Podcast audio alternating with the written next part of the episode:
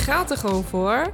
Ja. Je droomt en je maakt ook de stap om het waar te maken. Ja, maar ik maak dus ook veel fouten. Ja, Dus ik, ik, ik- heel veel dingen die totaal mislukken. Die, en die, waarvan ik ook denk, wat dom dat ik er überhaupt aan begonnen ben. In deze serie maken we werkgeluk concreet en geven we tips om in je eigen organisatie, team en je eigen leven aan de slag te gaan met werkgeluk. Van een groot wollig thema slaan we de brug naar concrete acties. In elke aflevering nodigen we ondernemers en experts uit om hun praktijkervaringen met jou te delen. welkom bij deze nieuwe aflevering van de podcastserie Werkgeluk de Baas. Ralf, Ja, vandaag sta jij bij mij aan tafel. nou wat leuk. Ja, want we staan erbij. Ik heb hier echt zo eh, naar uitgekeken. Ja, Dat wil je niet weten. ja hoe komt Ja, het? nou gewoon omdat, omdat ik eh, zo ontzettend trots op je ben. is misschien niet het goede woord, maar gewoon, ik heb, ik heb ze geluisterd en ja, het is echt zo goed.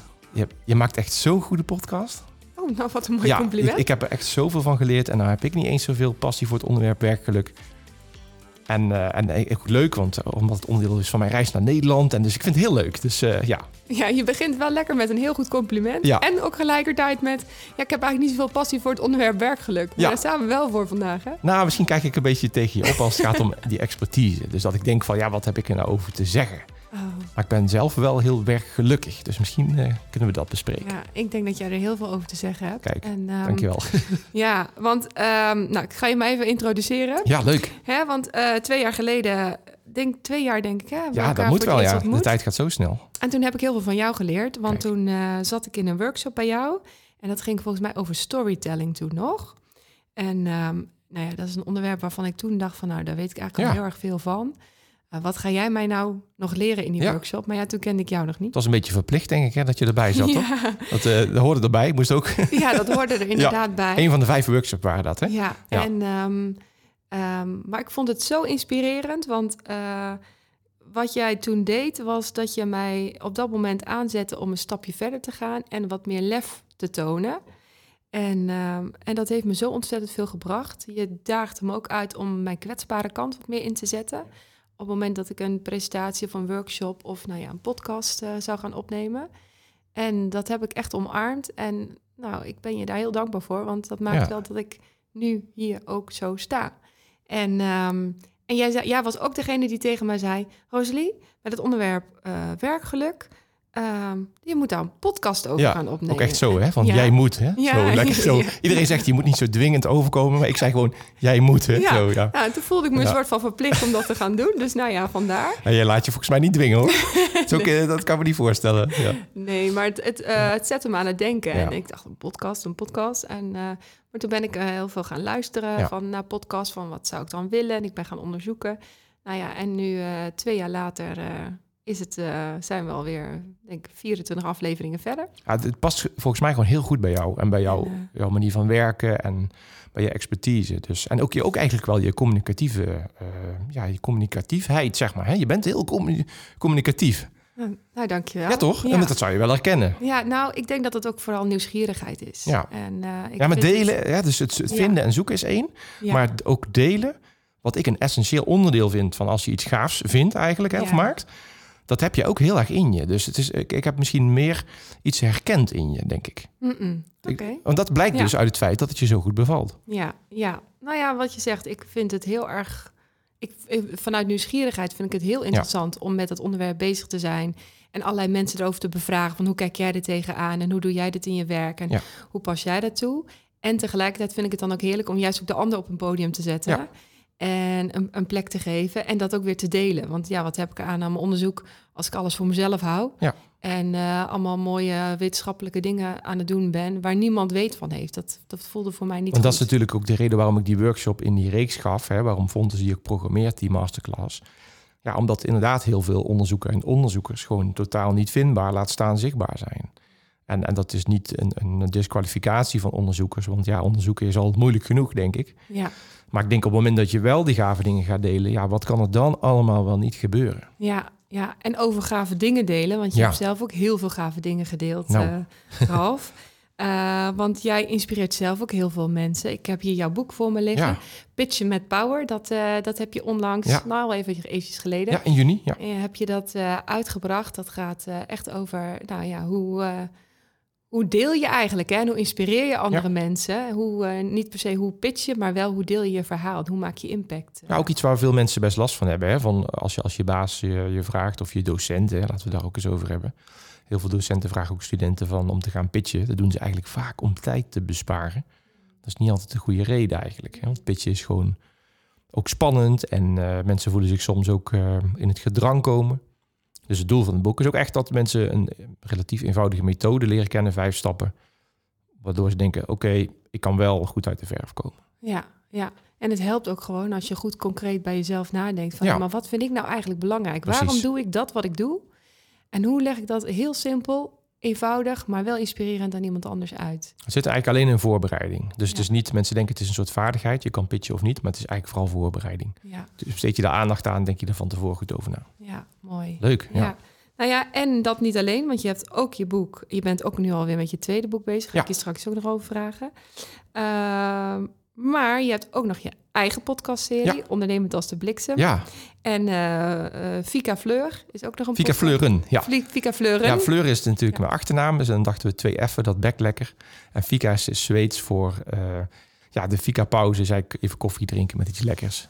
ja, Of thee, ja. ja, heerlijk. Mhm. Nou, ik, eh, ik, ik ken hem nog niet, maar Nee. eh, bij deze ga ik hem Hij is vooral leuk voor mensen die, die heel veel met Zweden hebben.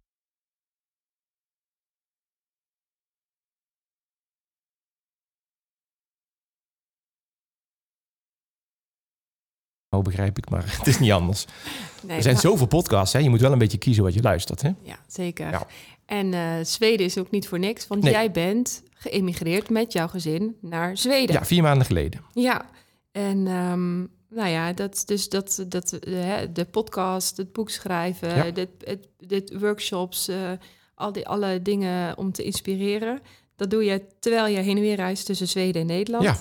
En ehm, daarmee vind ik het eigenlijk ook wel heel speciaal dat je vandaag tijd hebt gemaakt om eh, hier in Nederland, hier in Eindhoven te komen. Nou ja, het was echt toevallig dat ik een dagje extra eigenlijk had en nog even ruimte had. Nee, je moet zeggen, ik kom speciaal voor jou naar Nederland. Eh, nee, ja, dat, sorry, dat, eh, dat kan ik helaas niet.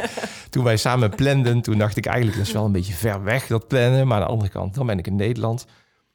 Ja, ik probeer dus eigenlijk als ik een zeg maar, betaalde opdracht in Nederland heb, een paar dagen aan te plakken om andere leuke dingen te doen.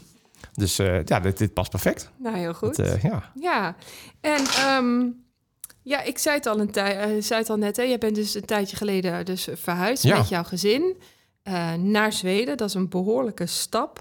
Ja. Hoe, hoe is dat nu? ja, supergoed. Dus we zijn daar nu die vier maanden. En ik was zelf vanaf dag één, en dat geldt eigenlijk ook voor mijn gezin, ja, super, super op ons gemak. En dat we echt, want ja, de, vraag is natuurlijk van, dan maak je zo'n keuze. Je kunt niet weten hoe het uitpakt. Ja, is dat dan oké of niet, zeg maar? En aan de ene kant kan je dat pas over een paar jaar zeggen, maar ik, ik heb eigenlijk vanaf het begin me daar super chill gevoeld. En ook omdat ik het dus probeer, niet probeer te zien als wij zijn geëmigreerd, want er zit zo'n gevoel achter van, nou, die zien we nooit meer terug, hè? Ook zo'n ik-vertrek gevoel, hè? dat is ook wel grappig. Heel veel mensen zeggen van, oh, gaan jullie dan ook een hotel beginnen of in een restaurant werken? Maar ik denk dat ik het veel meer zie zoals jij het ook zegt, wij zijn verhuisd. En door de coronatijd en door het feit dat online natuurlijk, eh, online werken natuurlijk eh, gebruikelijk is, ervaar ik helemaal niet eh, dat ik super ver weg zit, zeg maar. Nee, nee.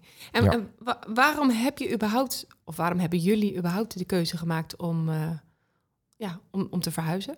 Ja, dat is natuurlijk een, een, een interessante, maar ook moeilijke vraag. Want nu zijn we vier maanden verder en dan zeg ik, oh net, was er vooral daarom. Of dan, maar ik denk, ik denk dat wij vooral ook het avontuur zochten en, en dat het altijd al in ons zat om iets ehm, internationaals te willen doen. Maar dat toen wij kinderen kregen, nu zeg maar zeven jaar geleden, onze oudste is zeven, dat we die, die wens eh, onbewust een beetje geparkeerd hadden. Dat we dachten van ja, nee, maar nu zijn we ouders. Dus nu moet je, nee, da, nu moet je even een beetje eerst te zorgen dat het goed gaat met de kinderen. En toen wij vorig jaar zes weken in Zweden waren, omdat wij allebei zelfstandigen zijn, eh, toen zeiden we tegen elkaar, ja, dit is eigenlijk wel veel meer wat we zoeken. Of laat ik zeggen, veel wat we zoeken voor de komende tijd. En, en toen dacht ik, ja, maar de kinderen, ja, de kinderen. Dus toen dachten we, ook tijdens die vakantie, ik stond af te wassen op de camping. Ik zei tegen zo'n mevrouw, ja, fijn is hier, hè? Ja, zei die van fijn, hè? Zeg, ja, wij denken eigenlijk over na om hierna te emigreren. Maar ja, de kinderen, hè? En die vrouw zei, hoezo de kinderen? Ze zijn nou zo jong, zeven en vier. Zes en drie waren ze toen. Uh, ja, ze zijn zo flexibel nog. En ze hebben nog niet zoveel vriendjes en vriendinnetjes. En, en niet zoveel binding met Nederland misschien. Ja, je moet het juist nu doen. Toen dacht ik, oh ja. En ook eigenlijk, het is juist goed. Hè? Want we, zouden, we zijn juist gegaan voor de kinderen. Meer rust, meer natuur, meer ruimte. Het onderwijs is, ja, beter is niet het goede woord. Maar het sluit wel meer aan bij hoe wij uh, tegen dingen aankijken. Tempo ligt lager. Huizenprijzen lager. Ik dacht, jeetje, wat een goed verhaal. Dus dat was het. Ik zie me nog staan in die gele keuken te afwassen met die mevrouw. En dat was echt het gevoel, we gaan dit doen. Dus toen begon het avontuur. En dat alleen al is al leuk, hè?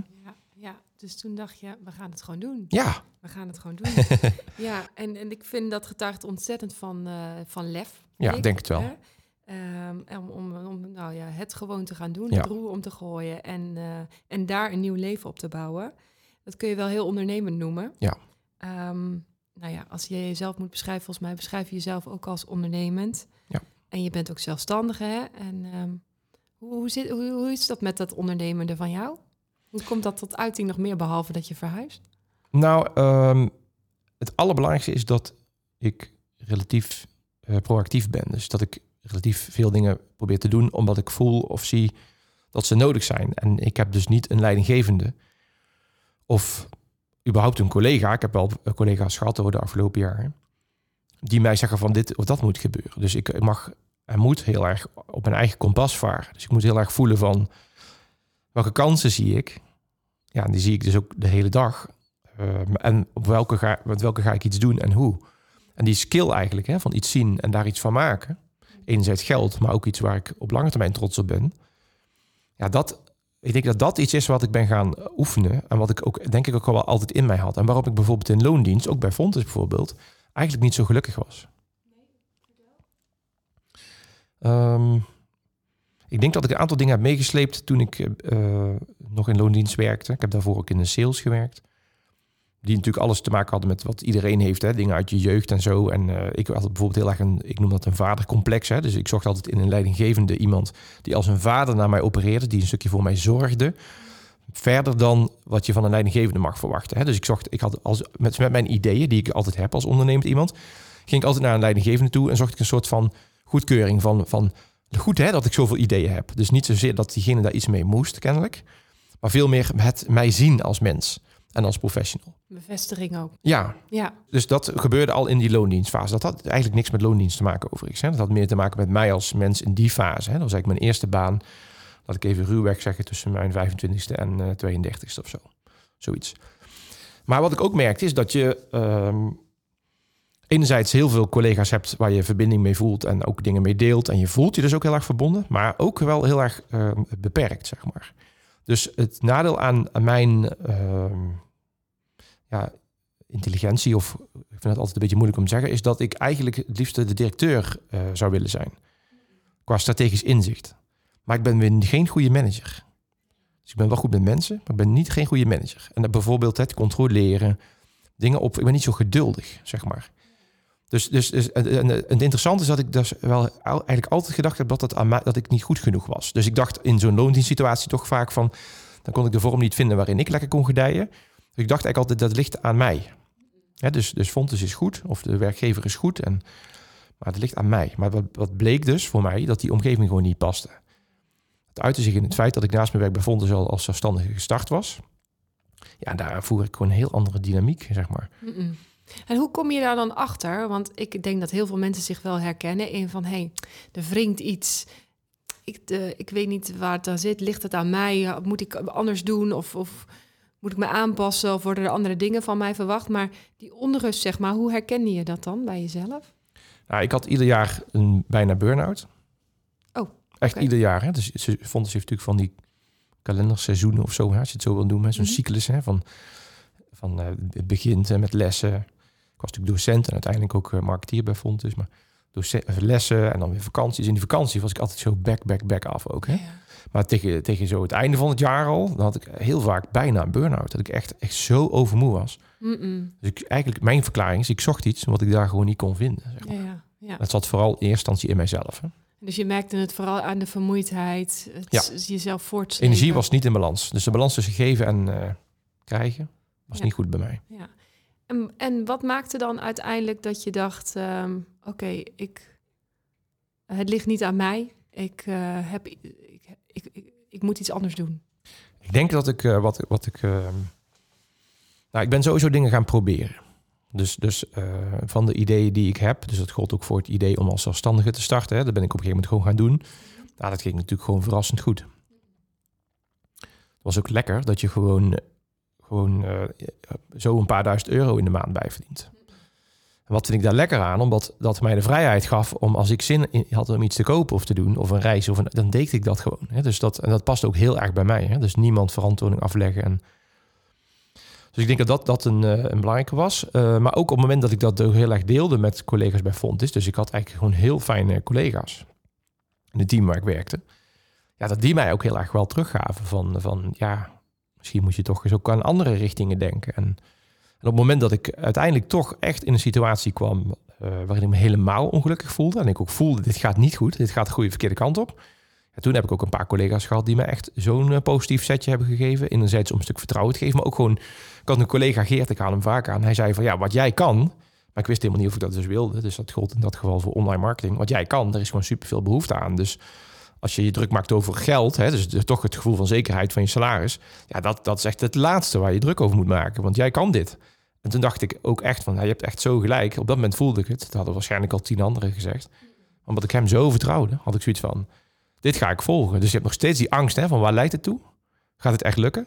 Maar als je één uh, gids hebt die even die heel dichtbij je staat, die het dan zegt, ja, dan, dan durf ik wel te gaan. Zeg maar. Ja, ja. Dat is mooi, hè? Ja, en ik hoor jou ook zeggen de hele tijd de, de, de balans vinden tussen stabiliteit en, en, uh, en in de diepe springen en er gewoon voor gaan, zeg maar.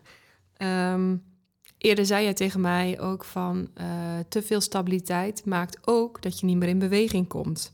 Maar ook als je heel veel nieuwe dingen doet, kan het weer zorgen voor overbelasting. En die balans, dat blijft wel een beetje zoeken, zeg maar. Ja. En, en beide uitersten worden gevoed door angst. Angst voor verandering of misschien ook wel angst voor stilstand. Kun je, kun je dat nog eens toelichten? Ja, dat je nog weet wat je daarmee bedoelde toen. Je hebt het zo, zo mooi samengevat. Ik kan het bijna niet meer beter zeggen. Maar kun je wat vertellen over die angst? Nou, laat ik, laat ik om te beginnen zeggen dat uh, het gevoel van stabiliteit, als, als, dat, dat heeft dan iets met geld te maken, dat zit niet op je bankrekening, maar in je hoofd. Dat is denk ik het allerbelangrijkste. Even heel simpel. Ik heb nu geld op mijn rekening staan. Hè. We zijn naar Zweden verhuisd van de overwaarde van mijn huis. Dat is voor één jaar eten en drinken en huur. Ik heb aan opdrachten veel te weinig uitstaan eigenlijk. Dus je zou kunnen zeggen, over twaalf maanden is het klaar. Um, ik heb er totaal geen onrust uh, over. Terwijl ik niet weet. Dus ik heb wel ook in Nederland voldoende opdrachtgevers. Dus er komt echt wel wat op me af. Maar het is echt nog te weinig uitstaand. Maar het feit dat wij ook een nieuw leven eigenlijk zoeken. En we ook niet goed weten hè, van hoe vaak wil ik eigenlijk in Nederland trainen. Um, hoe ga ik het in Zweden? In Zweden heb ik gewoon nul netwerk. Hè? Niet echt nul, maar bijna nul. Ik, ik wil eigenlijk sowieso in Zweden werken. In het Engels vooral in het begin. maar dat, dat, weet, dat weet ik niet en dat heb ik niet. En toch heb ik maar twaalf maanden. Dan zou je dus onrustig van kunnen worden. En ik weet niet hoor. Misschien luistert iemand zegt, nou daar word ik helemaal niet onrustig van. Of iemand zegt, jeetje, ik zou helemaal gek worden. Nou, mijn, mijn balans is dat het niks, totaal niks interesseert. Ik voel me daar helemaal oké bij. Dat is voor mij safe genoeg, zeg maar. En ik denk dat dat, dat ook belangrijk is. Van zoek, waar, waar zit voor jou zelf die balans waarin je ja, en ik heb gewoon geleerd, dat is misschien wel goed om te zeggen, door die nu tien jaar zelfstandig zijn, om gewoon met relatief veel onzekerheid om te gaan. Tenminste, ik denk dat anderen het relatief onzeker vinden. Ja. uh... ja, onzeker, maar ook wel uh, lef. Ik kijk daar ook wel tegenop. Want als ik dan denk van, oh, wat je allemaal hebt gedaan hè, met je boek. Uh, je hebt een auditie ook nog gedaan, had ik niet eens gezegd, voor een ja, talk dat was ook uh, een drama, maar dat komt dat komt misschien Maar jij doet dat gewoon wel, weet ja. je wel. En je ik maakt ben heel een naïef. podcast en je gaat Ja. er gewoon voor. je droomt en je maakt ook de stap om het waar te maken. Ja, maar ik maak dus ook veel fouten. Ja, Dus ik, ik, ik doe ook heel veel dingen die totaal mislukken. Die. En die, waarvan ik ook denk, wat dom dat ik er überhaupt aan begonnen ben. ja, Heel vaak. ja. Maar en je durft wel die fouten te Maar wel steeds minder. Ja, Dus mijn, mijn intuïtie, mijn radar voor wat is goed voor me, wat zou kunnen lukken, is beter. En mijn geduld is beter geworden. Daar hebben we het in het vorige gesprek ook over gehad. Daar herkende jij je zo in, hè? ja. Dus mijn geduld. Dus zeg maar, al die ideeën die heel de dag komen. Hè, dus nu ook, nu ben ik in Nederland, daar raak ik heel geïnspireerd van. Heel apart eigenlijk. Hè. Ik ben dus terug in mijn oude omgeving en ik raak heel geïnspireerd. dus inspiratie komt ook uit het wisselen van omgeving. Hè. Dus niet per se de feitelijke omgeving. Maar dan is dus de vraag, wat ga ik daar dan allemaal mee doen? Hè, dus dus wat, wat wel en wat niet. En daar heb je dus je intuïtie voor nodig. En ook tijd. Dus even, even laten, zeg maar. Ja, ja. Maar, maar wanneer laat je iets liggen en hoe lang nog? En wanneer moet je handelen? En dat, Oh, dat is je intuïtie. Ja, nou ja, maar ik heb dat. We hadden de, de, dan moet ik meteen denken aan ja, ik, ja, dan weet je, dan zie ik dat jij een boek hebt geschreven. Denk ik, oh, dat wil ik ook echt al jaren. Ik ben ooit zelfs begonnen aan een boek en we waren best ver. Toen Maar- werd ik maar zwanger. Jij gaat een boek schrijven, dus dat Ja, weet ik zeker. Maar toen werd ik zwanger en toen, en, toen, en toen moest ik dat weer aan de kant schuiven. Terwijl ik eigenlijk al heel ver was. En, en, en, maar die balans ook, want dan heb ik dan... Ja, ik heb ook een gezin met drie kinderen. Eh, mijn man heeft ook een hele eh, nou ja, eh, pittige job, zeg maar. En, en, en ja, de enerzijds al mijn dromen en mijn wensen en ervoor willen gaan... en de ideeën die ik heb, nou, de, de, hè, die, die, die lopen over. En tegelijkertijd, ja, ik ben ook moeder van drie kinderen. Ik heb ook een gezin te doen ik heb die stabiliteit, wil ik ze ook wel geven. Dus daar zit, dus dat is, ik vind dat best complex. Ook die werk-privé-balans ook, met alles wat ik wil en alles wat kan. En die tijd die ik dus niet heb. Heb je dan het gevoel dat je bijvoorbeeld die wens om het boek te schrijven... mm, ja, hoe zeg je dat nou goed? Dat- Dat je die te veel moet wegstoppen, zeg maar? Dat die echt... Vind je het jammer dat het nu niet lukt? Of zeg je van, het is wel even oké? Beide. Want als ik heel realistisch ben, dan denk ik, ja, weet je, dat boek wil ik schrijven. Dat kan over vijf jaar nog steeds. Tegelijkertijd denk ik, oh, maar ik heb zoveel ideeën. Ik heb zo'n zin om eraan te beginnen. Ehm, dat. En voor mij is het denk ik ook het makkelijkste om de dingen die ik voor mezelf wil, niet te doen. Ja. Omdat ik ook andere mensen heb die Ja. op mij rekenen. Maar nu raak je iets belangrijks. Ja, En dit heeft ook met werkgeluk te maken. zeker. Dit is voor mij werkelijk. Thema nummer één. Ja. En als je het clichématig benoemt, dan zeg je eh, kiezen voor jezelf, eh, houden van jezelf, zelfzorg. Maakt mij echt geen bal uit hoe je het noemt, maar dit is echt een thema. Ja. Vertel, Wat hoor je hierin? Ehm, dat het ontzettend pijn kan doen als je. Dat het altijd pijn doet als je even voor jezelf moet kiezen. Dat klinkt niet helemaal goed verwoord, maar is wel het meest herkenbaar. Nou, laat ik een simpel voorbeeld geven. Om voldoende inkomen te genereren de komende tijd en niet echt over twaalf maanden al door ons geld heen te zijn, is het voor mij ontzettend goed om nog gewoon in Nederland te trainen. De vraag of ik dat op lange termijn wil, is helemaal niet zo interessant, want dat is voor de lange termijn. Al vrij snel toen wij emigreerden, kwam een vraag vanuit een eh, ontzettend eh, goede vriend van me ook nog. Die had ook de podcast geluisterd, dat is ook leuk om te weten. Die zei, nou, bij ons in bedrijf kan jij komen trainen. Dat deed hij een beetje om me te helpen, maar het was ook heel goed gegaan gelukkig. Hè? Het was ook nodig. Dus is de vraag, dan ga ik een week naar Nederland, hè, want ik maak daar dan meerdere dagen van. En ik worstel al mijn hele eh, leven als vader, zeg maar, hè, met het, het eh, syndroom van eh, ik wil geen afwezige vader zijn. Hè. Dat is natuurlijk zo'n soort jeugdtrauma, trauma dat mijn vader wel af en toe afwezig was. Nou, bla bla bla, heeft iedereen misschien wel. Dus ja, dan heb je al een probleem. Dus voor mij en voor ons is het goed. Trouwens, dit is niet helemaal kiezen voor mezelf. Het is ook een beetje zorgen voor het gezin. Maar laat ik het anders zeggen. Ik had er gewoon fuck, sorry, heel veel zin in om naar Nederland te gaan. Om een weekje mijn werk te doen, alleen te zijn, snap je? Terwijl wij net naar Zweden zijn gegaan, in een land waar je niemand kent. Nou, dat is ook niet waar, inmiddels kennen we heel veel mensen, maar... Dus ik dacht wel, ja, maar mijn gezin, en is dat niet spannend daar op het platteland in het pikken donker? Wij wonen helemaal achteraf, hè? Gaat het wel goed met, met de kinderen? Gaat het wel goed met mij? Kan ik ze wel loslaten? En ik zou je zeggen, ik stapte de trein in. Ik had meteen een supergoed gevoel. Ik wist het al bij het voorbereiden, hoor. Dus je voelt dan van binnen, wat jij misschien wel bij dat boek voelt... dat er zo'n soort kriebeltje in je buik komt. Wat jij net zegt, ik heb er zo'n zin in. En nou is de grote vraag... Wat doe je als je bij dingen dat voelt? Hoe ga je daarmee om? Het makkelijkste is om te zeggen altijd volgen. Zo werkt het niet. Zo werkt het niet. Weet je hoe trots ik, ik ben dat mijn kinderen zeggen dat ze me missen?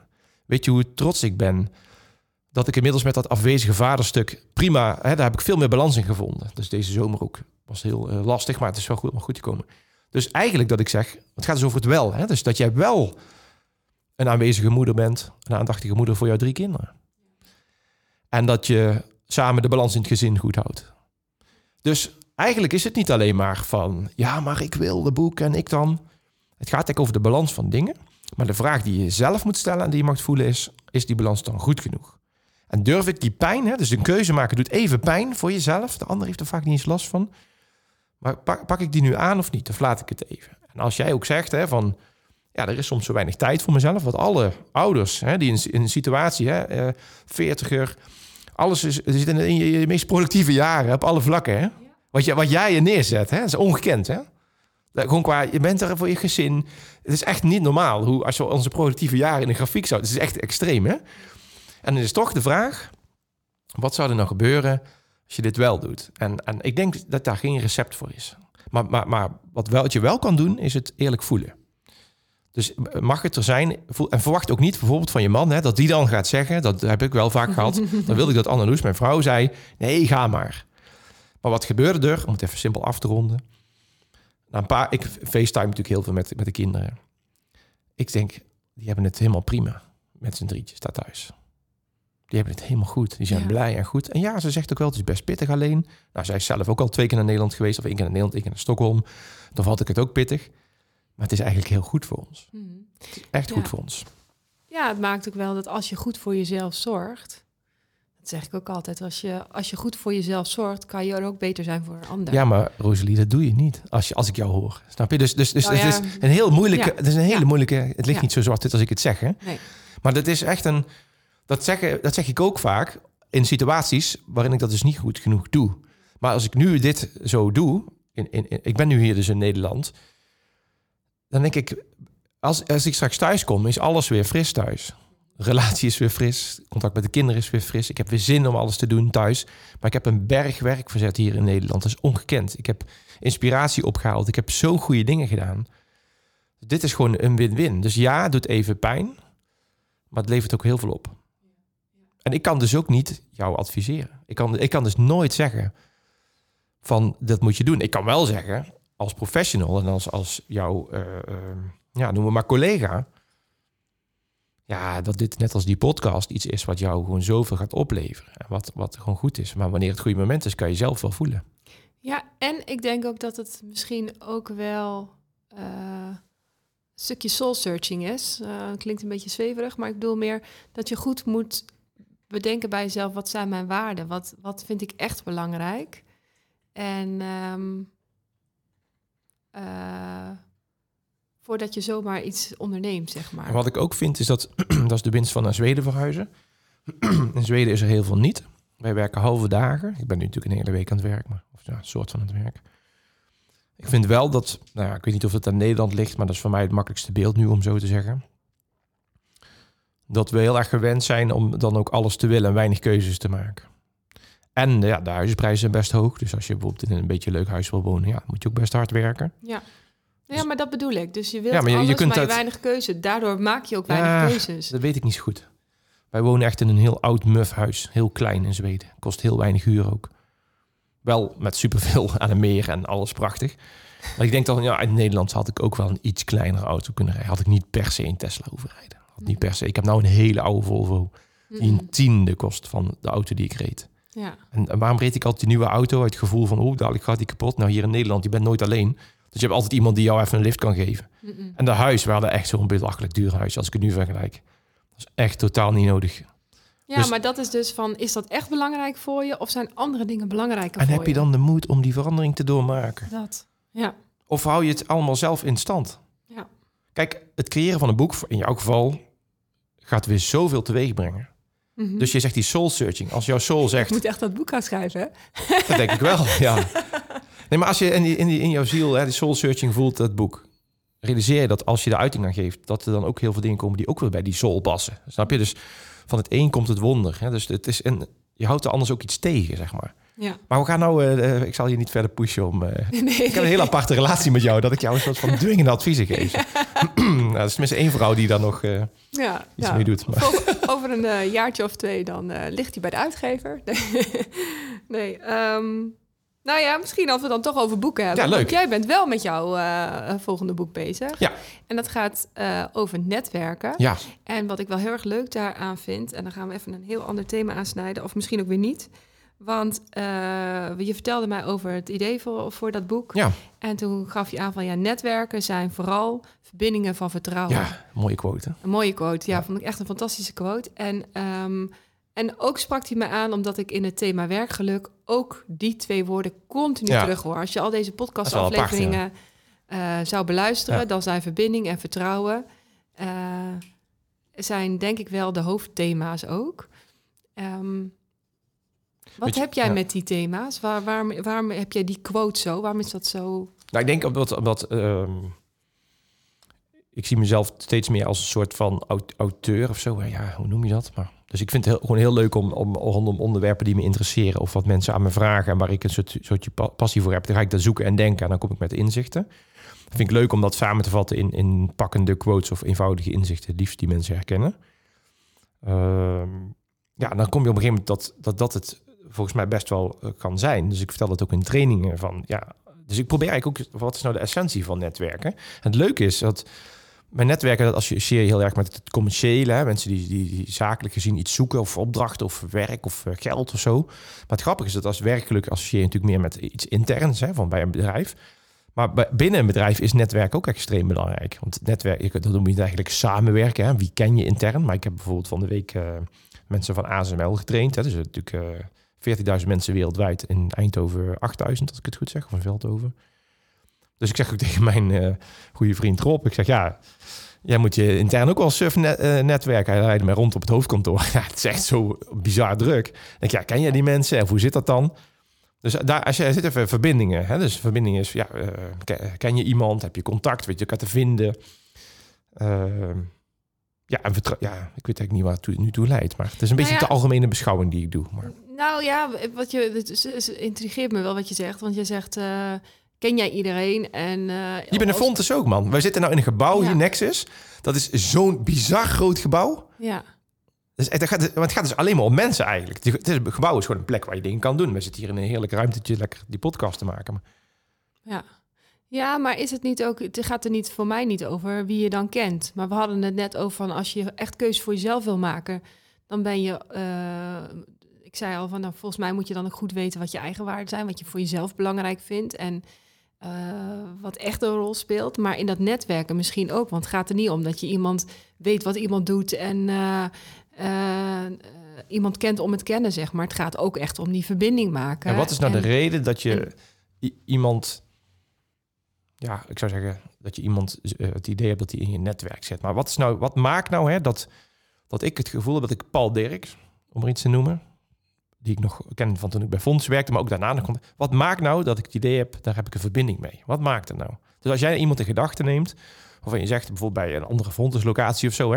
Maar waar je een warm gevoel bij hebt of zo. Wat maakt nou dat je daar een, verb- een verbinding mee hebt? Hoe, wat is jouw gevoel daarbij? Voor mij is dat omdat we gewoon eh, mooie, ges- echte gesprekken kunnen hebben met elkaar. Ja. En dat we nieuwsgierig zijn in elkaar. Ja.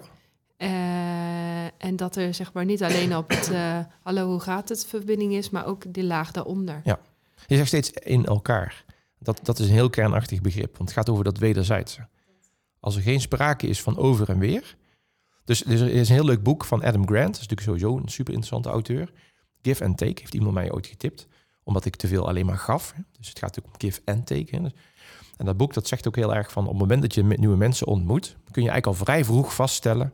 of dat een wederzijds vruchtbare relatie zou kunnen worden. Dus als diegene alleen maar over zichzelf praat... en nooit terug geïnteresseerd is... ja, dan, dan kan je al aanvoelen... Hè? Er zitten kleine dingen, hè? hoog contact... In, in, is er een verbinding...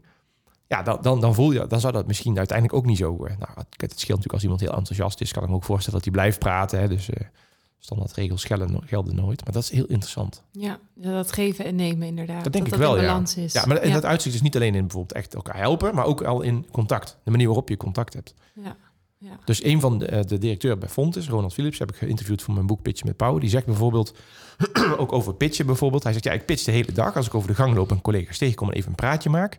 En hij bedoelt met pitchen niet zozeer dat hij een lekker strak verhaal heeft over waar hij mee bezig is.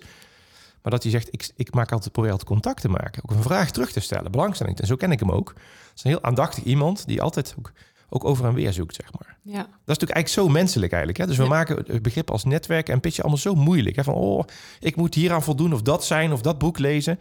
Het is allemaal heel menselijk. ja, het gaat om dat echte contact weer. Dat denk ik wel, ja. Ja, Ja. ja. Waar het eigenlijk in werkgeluk ook over gaat. Eigenlijk heb je best veel met het thema. Ik, pro- ik, ik probeer het nog steeds te ontkennen, oké? Misschien aan het einde wel. Ik weet niet hoe ver we we, zijn. hoor. we zijn aan het einde. Oké, nou wat goed. Ja, ja, ja, Tijd is gevlogen. ja. En ik heb wel nog nog een laatste vraag aan jou. Wat doe jij dan voor jezelf? Wat is het belangrijkste wat jij doet voor jezelf om werkgelukkig te zijn en te blijven? Ehm, blijven ontwikkelen. we zijn hier bij een school. Hè. Ik heb gewoon heel, heel veel met... eh, ik dacht altijd dat ik absoluut geen goede docent was. En ik denk, ja, wat doe ik hier bij Fontis? En het ging allemaal wel goed, weet je wel. Maar, maar ik heb uiteindelijk gewoon heel veel met het onderwerp om eh, in ontwikkeling te blijven. En dat is natuurlijk de reden waarom wij naar Zweden zijn verhuisd. Nieuwe dingen leren. Ja, jezelf blijven uitdagen. En niet als een soort van iets wat buiten jezelf ligt. Van, oh, ik moet anders worden. Maar veel meer om de vonk in het leven en ook in je werkende leven te blijven voelen van steeds iets nieuws. Dus bijvoorbeeld rondom de immigratie had ik het gevoel... Misschien moet ik wel stoppen met trainingen geven en iets heel anders gaan doen in Zweden. Misschien moet ik daar wel in een restaurantje gaan werken of weet ik veel. Want in Zweden zal alles wel heel anders zijn. Maar ja, het is helemaal niet zo heel anders. En het is eigenlijk niet zo dat de verhuizing dingen verandert. Wel in mijn hoofd natuurlijk. Maar dat het veel meer is van wat is nou het volgende wat je zoekt. Ik heb bijvoorbeeld heel lang een werkplek op Strijp S gehuurd. Dat was mijn eerste kantoor wat ik huurde. En dan kreeg ik ook enorm zelfvertrouwen van. van moet je kijken dat ik hier in deze vette omgeving kan zijn. Maar eigenlijk al best snel was ik er klaar mee. Maar dacht ik, ja, anderen vinden het nog vet dat ik hier zit. Dus het gaat eigenlijk om van wanneer voel je dat je vonkje eh dooft, hè, dus minder is. Zoek dan ook opnieuw die vonk. En, en als je dan bang bent van ja, maar alles wordt anders en ja, maar mijn hypotheek. Ja, dat, dat is niet zo heel belangrijk. Dat vormt zich dan daarna wel weer. Er zijn altijd praktische oplossingen voor. Dus voel, voel, voel en zoek de vonk. Ja, mijn bedrijf heet ook Bliksem en ik heb nou een internationale opgericht. Die heet Ignite, met een Q weliswaar. Ignite gaat ook over ontvlammen. Hè? Het- Dus het mooiste feedback die ik wel eens krijg van mensen is dat ze zeggen... je hebt het vlammetje in mij doen aan...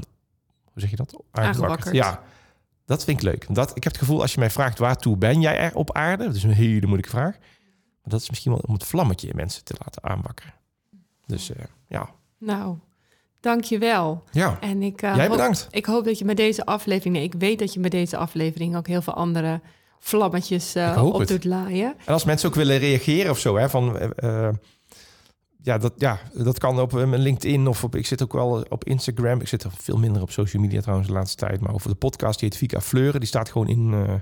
Ja, en hoe schrijf je Fika? Vika is F-I-K-A. En, en ondernemend als de bliksem. Maar je kan me altijd vinden. Ik ben hartstikke vindbaar. En dat vind ik ook leuk als je gewoon iets wilt vragen of eh, weet ik veel, of een idee hebt. Altijd goed. Nou, hartstikke Ja. mooi. Ralf Fleuren, we gaan je vinden. Maar even toch nog dat boek. Oh, wat gaan we doen? Ben je eraan toe om een deadline te stellen of moet ik je niet pushen? We spreken over twee jaar weer verder. Oké. Twee, twee jaar vind ik niet gek. Het is Ja, best lang hoor, een boek schrijven. ja dat weet ik. Ja, ik dacht eh, goed. twee jaar, dan eh hoef nog niet af te hebben, toch? Dankjewel voor de uitnodiging. En jij dankjewel dat je hier was Hartstikke vandaag. goed. Nou komt een tune, toch? Of niet? Ja, nou komt er komt dan een doorheen, tune. Maakt er Ja. nou door de tune. ja. Oké. Dankjewel ook voor het luisteren. Klopt. En ehm, ik eh, eh, wil je inspireren om nog eh, andere afleveringen ook te luisteren van deze podcastserie. Want er zijn nog veel meer mooie inspirerende sprekers die je misschien nog niet hebt gehoord. Zou je het ook leuk vinden om ook zelf bij mij aan tafel te komen en te spreken over wat jouw werk gelukkig maakt of hoe jij je teamwerk gelukkig maakt? Of NN eigenlijk. Dan ehm, kun je contact opnemen met werkgeluktebaas.fontes.nl. Mocht je nog vragen of opmerkingen hebben, ben je natuurlijk ook heel welkom. En eh, ik wens je nog een hele fijne dag. Dag!